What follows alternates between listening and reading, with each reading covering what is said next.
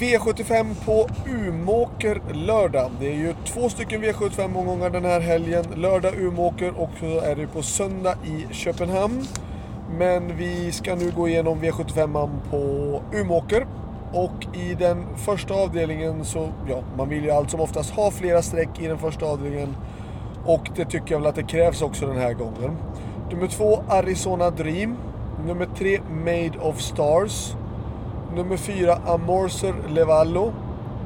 Nummer 6 Digital Dominance och nummer 9 Deal Done Set. Så att 2, 3, 4, 6 och 9. Eh, varningen skulle jag vilja säga i sådana fall. Jag tycker att 5 Mr Donald. Eh, han har inte fått till de två sista starterna. Men eh, han känns fortsatt, han känns ganska fin. Och han har hög kapacitet och skulle han få rätta ryggarna så kan han avsluta bra. Sist så kom han aldrig in i loppet alls och ja, jag kan väl döma honom som en sjätte, sjunde häst ungefär. Casabier ska gå med skor på och det är eh, tyvärr ett litet handikapp såklart. Och han har bakspår. Annars så verkar det okej. Okay.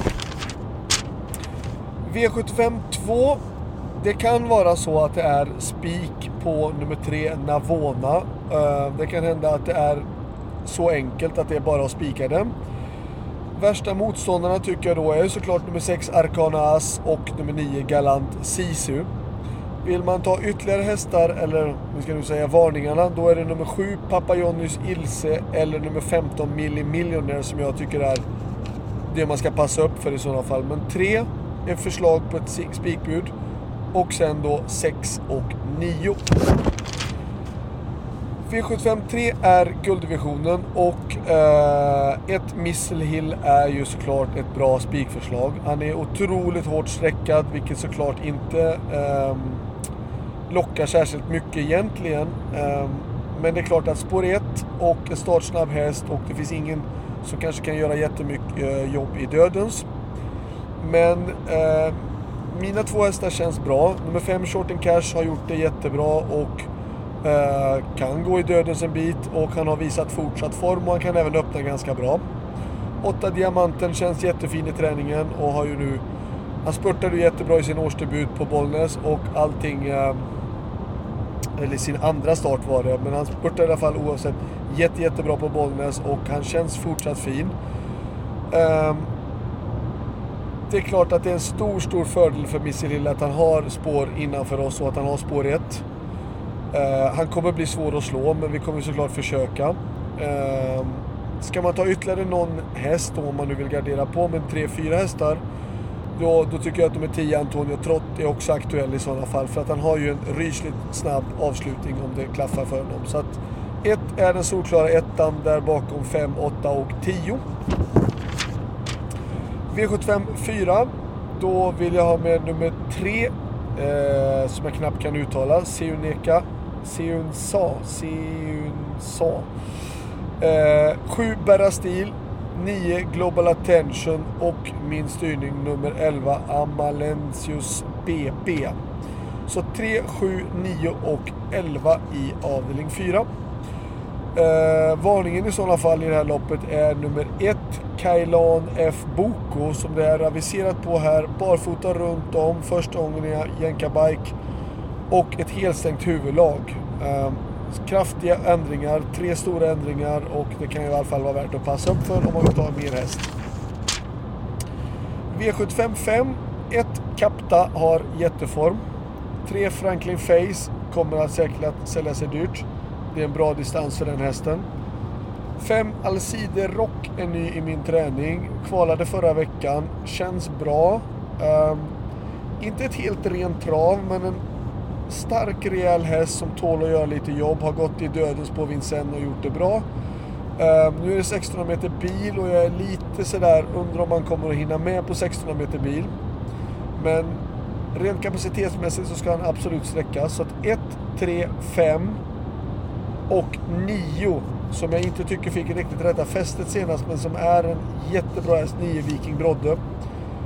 Uh, så att 1, 3, 5, 9 och varningen i sådana fall, det tycker jag är nummer 8 Evens Cool Boy som är en jättefin häst i grund och botten. Var bland årgångstopparna som 3 och 4-åring. Och eh, visst, han har spår 8 men han vann sin, eh, sin comeback, eller sin årsdebut.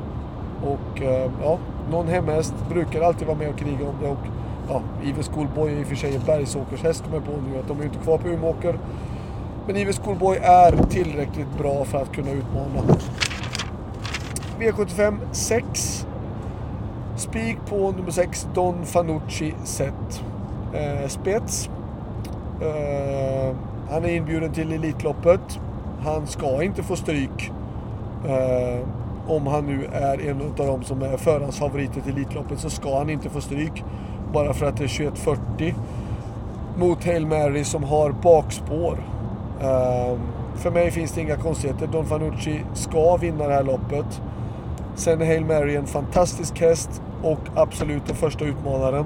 Vill man ta någon mer häst än de här två, ja då tycker jag 8 Union Forces är bra och 10 Brother Bill är också enormt kapabel. Så att 6 är spiken, annars är det 9, 10 och 8. V75 7. 1 Syos. 2 Jaguar Hill. 4 Swagger. 5 Surf and Turf. 6 Moses. Det är de som jag tror det står emellan. 1, 2, 4, 5 och 6. Och varningen tycker jag är nummer 7, Welk. Uh, visserligen lite missgynnad av spåret men kom ju med två raka segrar. Och skulle, är absolut inte sämre än de andra men har lite sämre utgångsläge. Så 1, 2, 4, 5, 6 och kanske 7. Ehm, slutsummering. Ja, jag tycker bästa spiken tycker jag är i den sjätte avdelningen. Uh, oj, sorry. Sjätte avdelningen, nummer 6, Don Fanucci set. Och bästa chansen, ja...